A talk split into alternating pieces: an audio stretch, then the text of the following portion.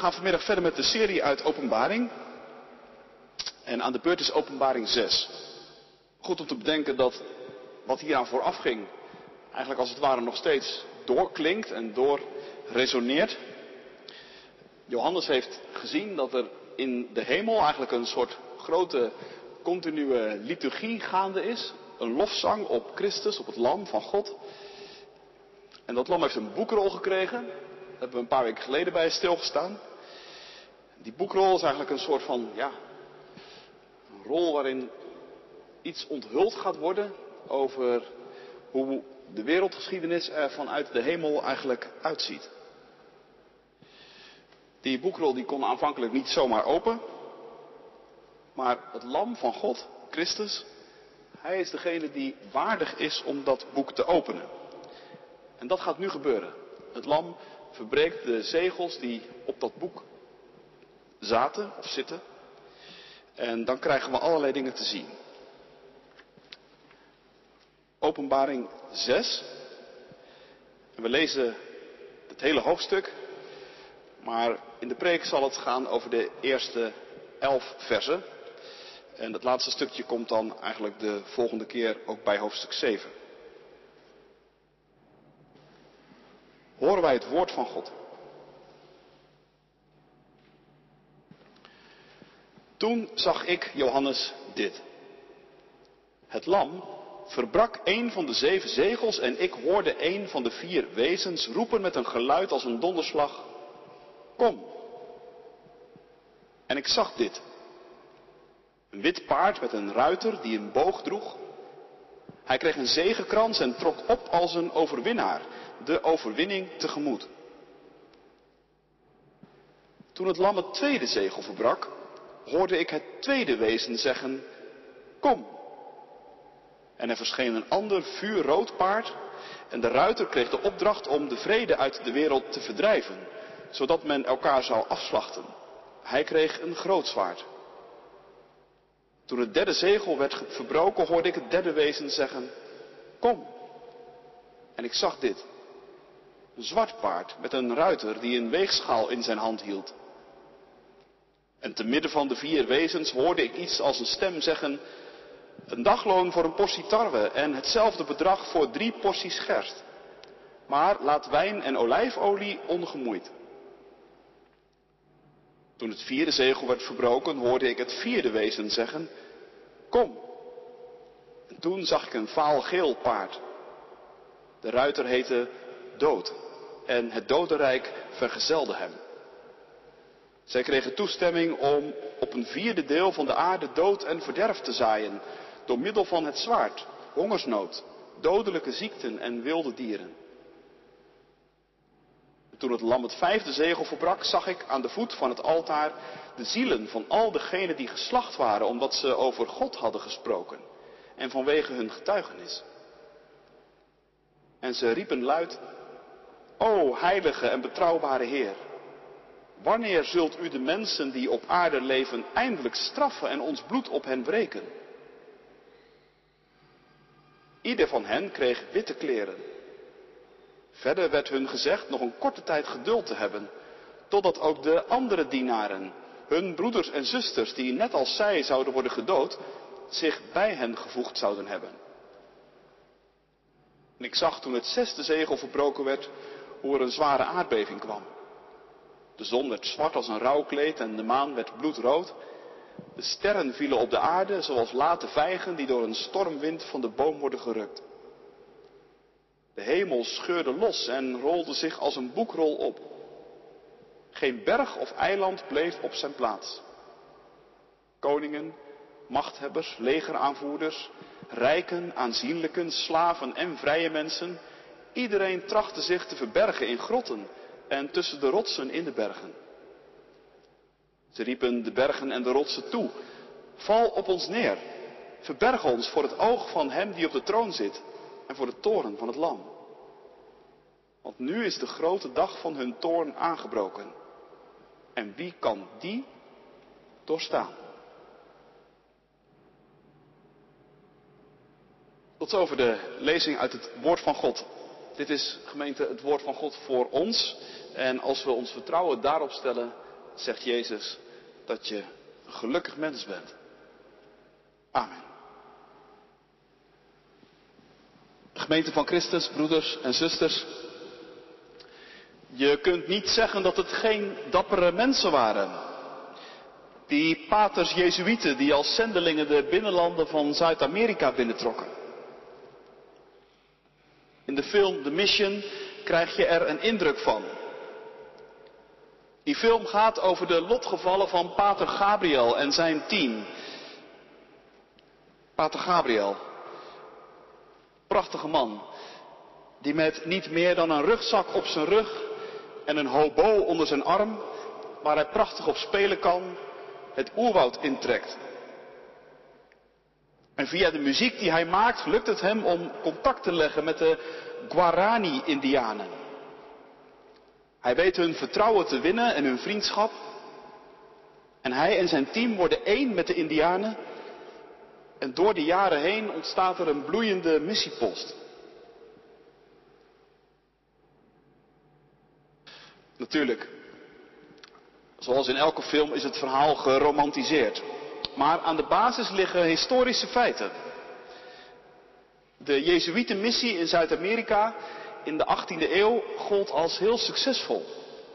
In de meest positieve zin van het woord. Er ontstonden werkelijk bijzondere contacten tussen de Indianen en de Spaanse missionarissen. En het goede nieuws over Jezus Christus kon daar wortel schieten. Tot op de dag van vandaag. En je ziet in de film hoe het evangelie mensen en gemeenschappen echt van binnenuit verandert. Ten goede. Maar dwars door de film loopt ook een hele tragische lijn. Het verdrag van Madrid uit 1750 voorzag in een gebiedsruil tussen Spanje en Portugal. En de missieposten van de Jezuïeten langs de rivier de Uruguay zouden door deze grondruil van Spaanse in Portugese handen terechtkomen. Pater Gabriel en zijn team doen er alles aan om dat te voorkomen. Want zij weten, in tegenstelling tot de Spanjaarden maken de Portugezen slaven onder de Indianen. En ze vrezen dan ook zeer voor het lot van hun Indiaanse vrienden. En voor het lot van alles wat ze aan kostbaars hebben opgebouwd in al die jaren. En hun vrees, hun vrees zal terecht blijken te zijn.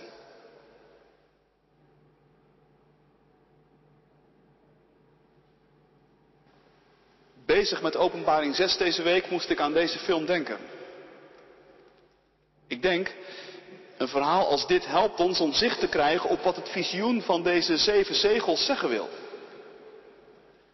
De zegels die om de boekrol heen zaten, die Johannes in het vorige hoofdstuk te zien kreeg. Ze springen vanaf nu één voor één open, als de luikjes in een adventskalender.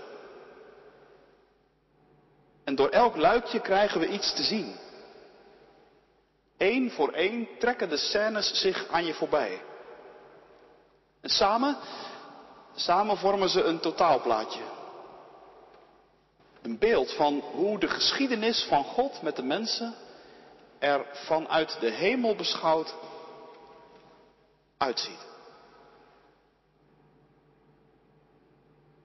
Vier paarden ziet Johannes door de eerste vier luikjes. Opvallend is natuurlijk dat elk paard een kleur heeft. Het eerste is wit, het tweede rood, het derde zwart en het vierde grauw. En op elk paard zit een ruiter. En drie van de vier ruiters hebben iets bij zich. De ruiter op het witte paard draagt een boog, die op het rode een zwaard en die op het zwarte een weegschaal. Wat moet je met die paarden, denk je? Wat betekenen ze en wat hebben ze ons te zeggen? Nou, zoals de meeste beelden in de openbaring staan deze paarden en hun ruiters ergens symbool voor. En laten we ze van achter naar voren nog eens wat beter bekijken.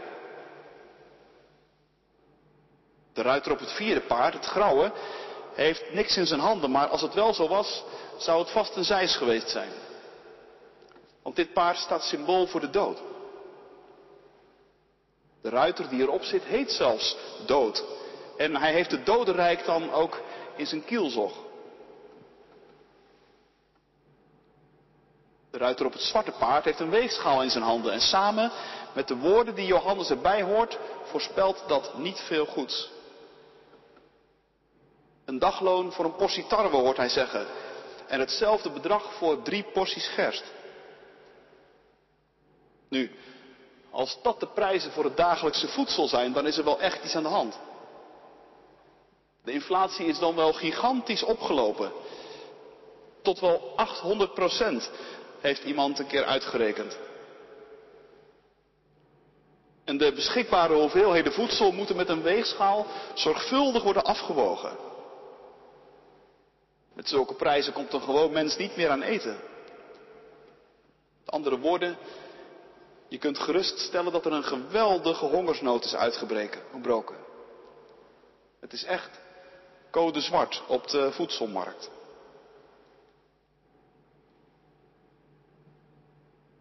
De ruiter op het rode paard doet ook niet veel beter vermoeden. De kleur van het paard in combinatie met het zwaard in zijn hand. Het zal je niet verbazen dat deze ruiter symbool staat voor de oorlog. Als de vrede verdwijnt en de mensen beginnen elkaar af te slachten, dan kleurt de aarde rood.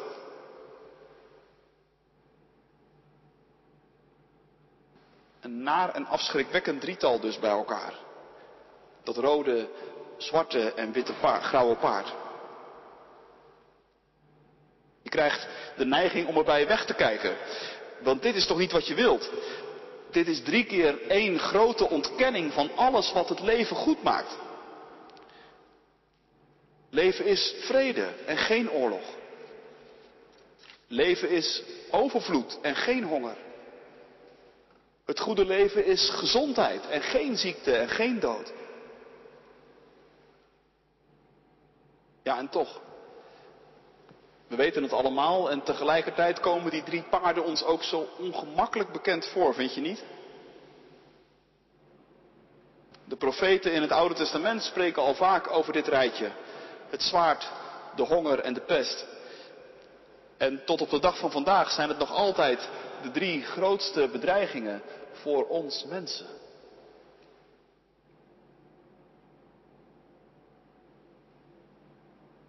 Maar zeg je, hoe zit het dan met dat witte paard?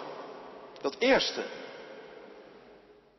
Ja, dat is het paard dat de meeste uitleggers ook de meeste moeite kost. Waarom? Omdat het net niet helemaal goed in het rijtje past. De ruiter die erop zit heeft een boog. Je zou kunnen zeggen dat is een wapen, net als het zwaard. Ook deze ruiter is vast gevaarlijk en staat je naar het leven. Maar zijn kleur wijst op een andere richting. Wit is in de openbaring juist de kleur die hoort bij overwinning. Niet de overwinning van het kwaad, maar juist de overwinning van het goede. Wit is de kleur van Christus. Wit is de kleur van het kleed dat degenen die hem volgen aangetrokken krijgen. En ook het feit dat deze ruiter een lauwe krans op zijn hoofd heeft, maakt het niet makkelijker. Want in, de in openbaring wordt de lauwe krans zowel aan Christus als aan mensen gegeven. Nu ja, je begrijpt, uitleggers gaan dus verschillende kanten op. Er zijn er die denken dat je bij dit witte paard toch aan Christus moet denken.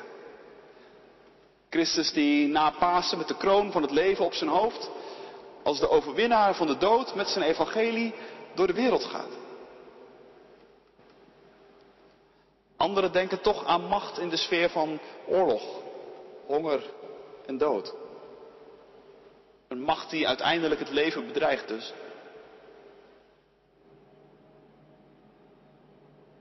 Maar ik kwam nog een derde uitleg tegen. Die zegt, bij dat eerste paard moet je denken aan de mens. Die ruiter op zijn witte paard met zijn boog en zijn lauwe krans, die erop uitgaat om te overwinnen, dat is een beeld voor ons. En ik denk dat die uitleg het beste past. Denk maar eens aan Psalm 8. Waar wij mensen, jij en ik, bezongen worden als bijna goddelijk gemaakt. En volgens diezelfde psalm hebben we een kroon op ons hoofd. Een kroon van glans en glorie. Niks bijproduct van de evolutie. Nee, wij mensen hebben een geweldig hoge plaats in Gods schepping. En leg daar even dat mooie lied naast dat we net zongen. Over God die als de vader van het leven de aarde aan ons mensen heeft gegeven. Het land en de zee, dat is ons domein. En leven, leven dat is dat je je wilt ontwikkelen. Dat je wilt ontdekken, erop uittrekken. Onbekende terreinen verkennen. Leven dat is studeren, werken, je talenten gebruiken, jezelf ontplooien. Diep doordringen in de geheimen van het leven of van je vakgebied. Leven, dat is met je kop in de wind. Surfen, zeilen, racefietsen, bergbeklimmen. Wandelen langs het strand in een herfststorm. En de strijd aanbinden met de elementen. Als een witte ruiter met een boog in je hand je doel kiezen en dan erop af. Zo zijn wij mensen bedoeld.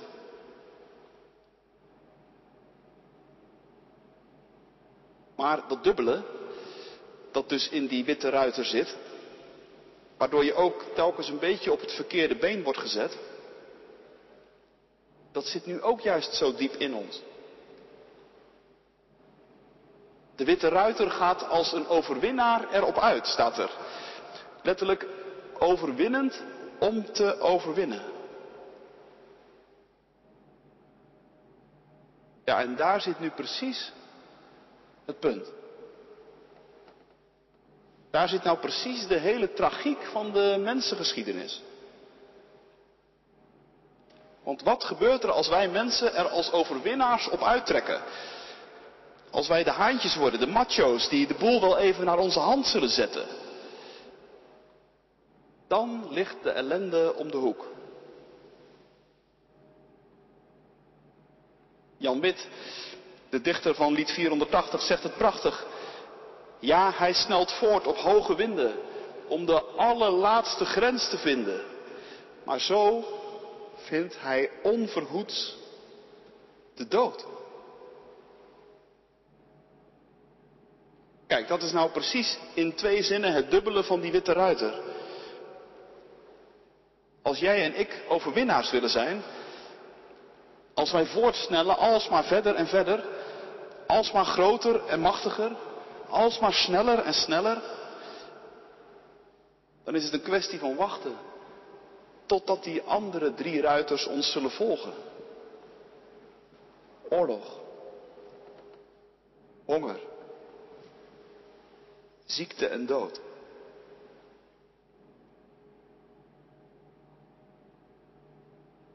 Je ziet het voor je ogen gebeuren in de mission.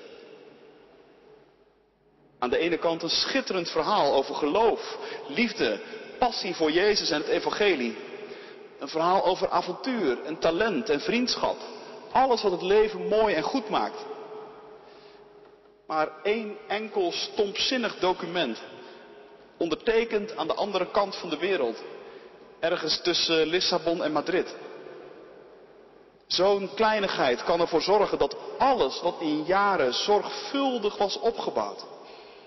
Door mensen die er hun hele leven aan gaven dat dat binnen de kortste keren naar de vernieling wordt geholpen. Letterlijk. Kapotgeschoten. Verbrand. In bloed verdronken. Het witte paard dat er zo veelbelovend op uittrok. Dat wordt ingehaald door het rode. Het zwarte. En het grauwe.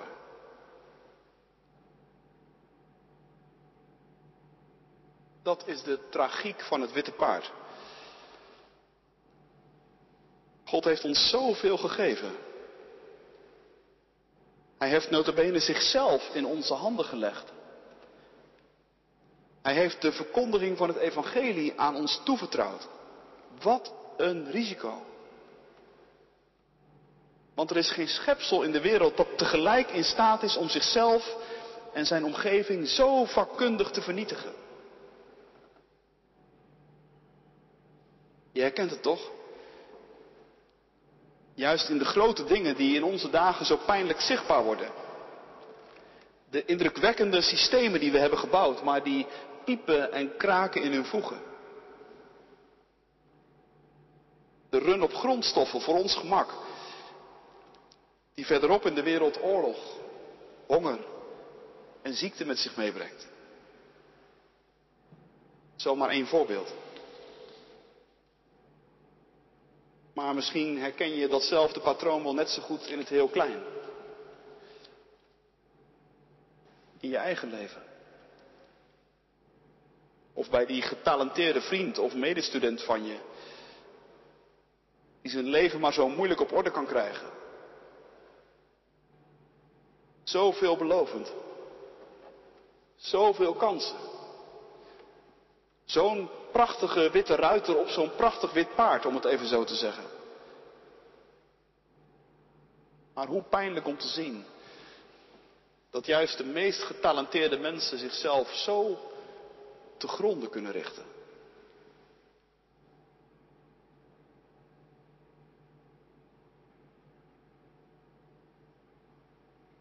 Dat is het patroon van de vier ruiters.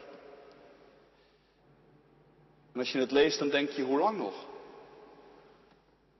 Hoe lang moeten we dit noodlottige patroon nog aanzien? Hoe lang blijft dit nog het refrein van de geschiedenis van ons mensen en van de wereld? Hoe lang gaat dit nog door? Dat is toch uiteindelijk, als je erover nadenkt, niet te verdragen. Is dan ook precies die vraag die in dit hoofdstuk klinkt. Johannes hoort hem heel nadrukkelijk uit de mond van slachtoffers als het vijfde luikje opengaat.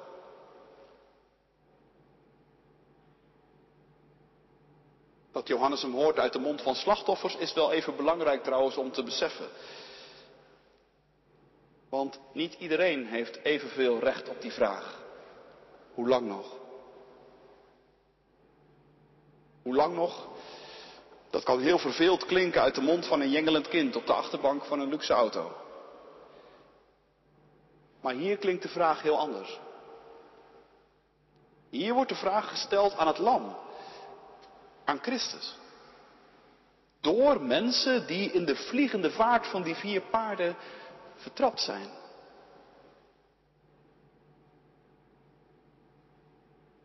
De vraag hoe lang nog is dus een roep om recht, om rechtvaardigheid. De oude vraag die al zolang de wereld bestaat door de wereld gaat. De vraag naar het waarom en naar de zin van het lijden. Het is de vraag van zoveel psalmen en van nog veel meer mensen die zich in die psalmen hebben herkend. Het is de vraag van de Guarani-Indianen in Zuid-Amerika. Het is de vraag van de Joden in de concentratiekampen. Het is de vraag van de christenen in Noord-Korea. En van nog zoveel meer. Hoe lang nog, Heer? Het kan toch niet bestaan dat het kwaad eindeloos door kan blijven gaan met het maken van slachtoffers.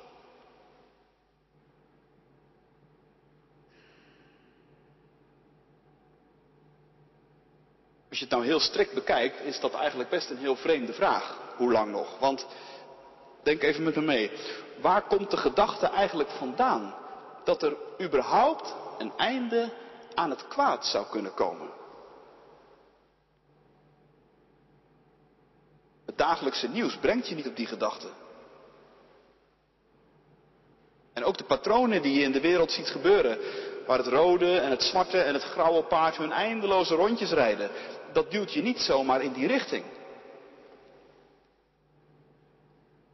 Maar hoe zit het dan wel? Is er soms iemand die het heeft gezegd? Is er soms iemand die een einde aan het kwaad heeft beloofd?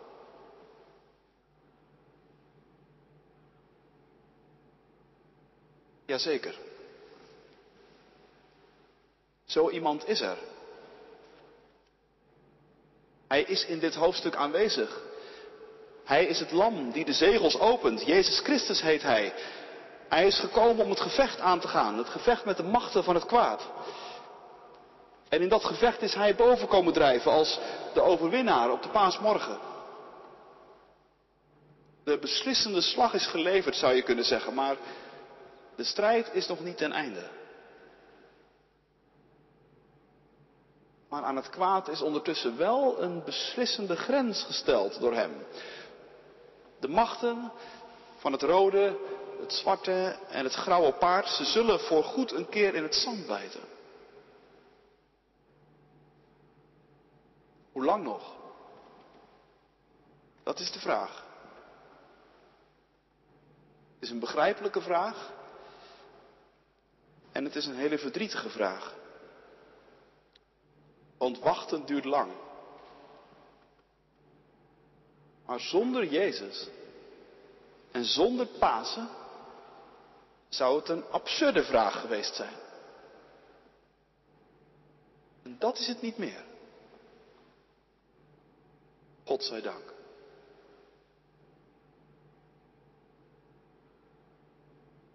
Daarom kan het ook niet anders dat deze vraag klinkt uit de mond van mensen, zoals Johannes het schrijft, die geslacht waren omdat ze over God hadden gesproken en vanwege hun getuigenis. Deze vraag kan alleen maar klinken uit mensen die iets weten van Gods belofte. Die geloofd hebben in Jezus. Alleen als je iets van God weet, dan kun je de hoe lang nog vraag echt gaan stellen. Hier stellen de slachtoffers de vraag voor zichzelf. En ik denk ook voor al die anderen, die tallozen, die in de loop van de geschiedenis door het rode of door het zwarte of door het grauwe paard vertrapt zijn. De miljoenen mensen, kinderen, tieners, volwassenen, ouderen, die eraan gingen in een oorlog waar ze niet om vroegen. Die omkwamen van de honger waar ze niet om gevraagd hadden. Die geveld werden door een ziekte waartegen ze niks konden beginnen. Namens hen allemaal klinkt de vraag voor Gods aangezicht. Hoe lang nog? Wanneer krijgen wij ons recht? Wanneer komt uw oordeel? Wanneer komt uw wraak?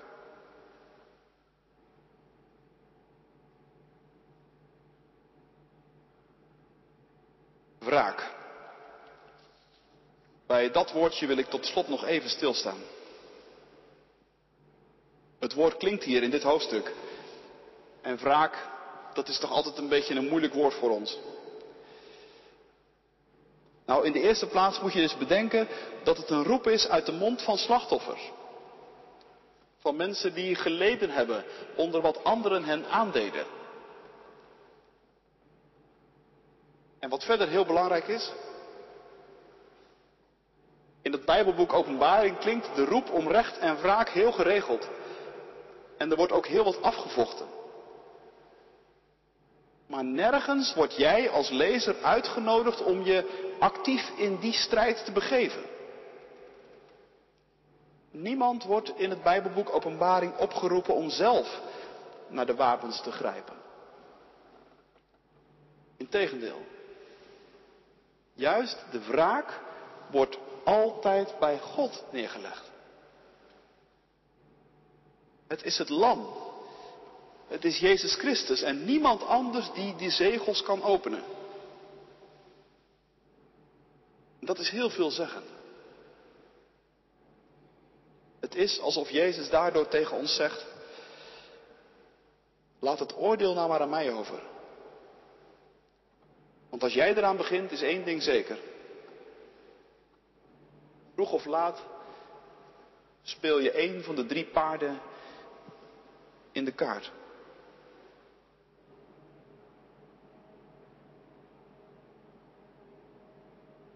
nog één keer terug naar de mission.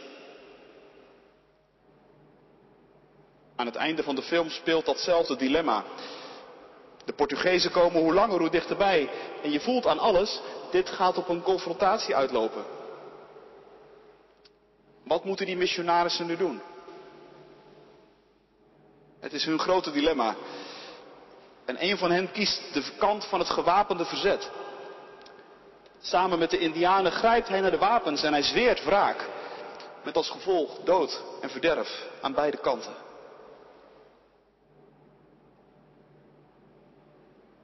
Pater Gabriel kiest een andere weg. Geweld heeft hij nog nooit gebruikt. En dat zal hij ook nu principieel niet doen. En op de dag dat ze de grote clash verwachten, verzamelt hij zoveel mogelijk dorpelingen bij de rivier voor een grote openluchtkerkdienst. Ze vieren samen de Eucharistie en ze zingen. Urenlang. En ja, ook zij gaan uiteindelijk ten onder. Net als hun broeders die naar de wapens grepen. Zingend gaan ze de dood in. Want het rode paard van de Portugezen spaart niks en niemand. Tja, zou je heel cynisch kunnen zeggen. Dat had dus ook geen enkele zin. Maar dat geloof ik dus niet. Het had wel zin. Want die duivelskring van dat rode, zwarte en grauwe paard werd daar eventjes doorbroken. En het witte paard boekte een kleine, voorlopige overwinning. En elke keer wanneer in onze wereld zoiets gebeurt, is dat een teken van hoop. Is het een vooruitwijzing naar de grote dag van het Lam? Naar de dag dat de macht van het rode, het zwarte en het grauwe paard voor goed gebroken zal zijn. Daar bidden wij om. En daar zien we naar uit.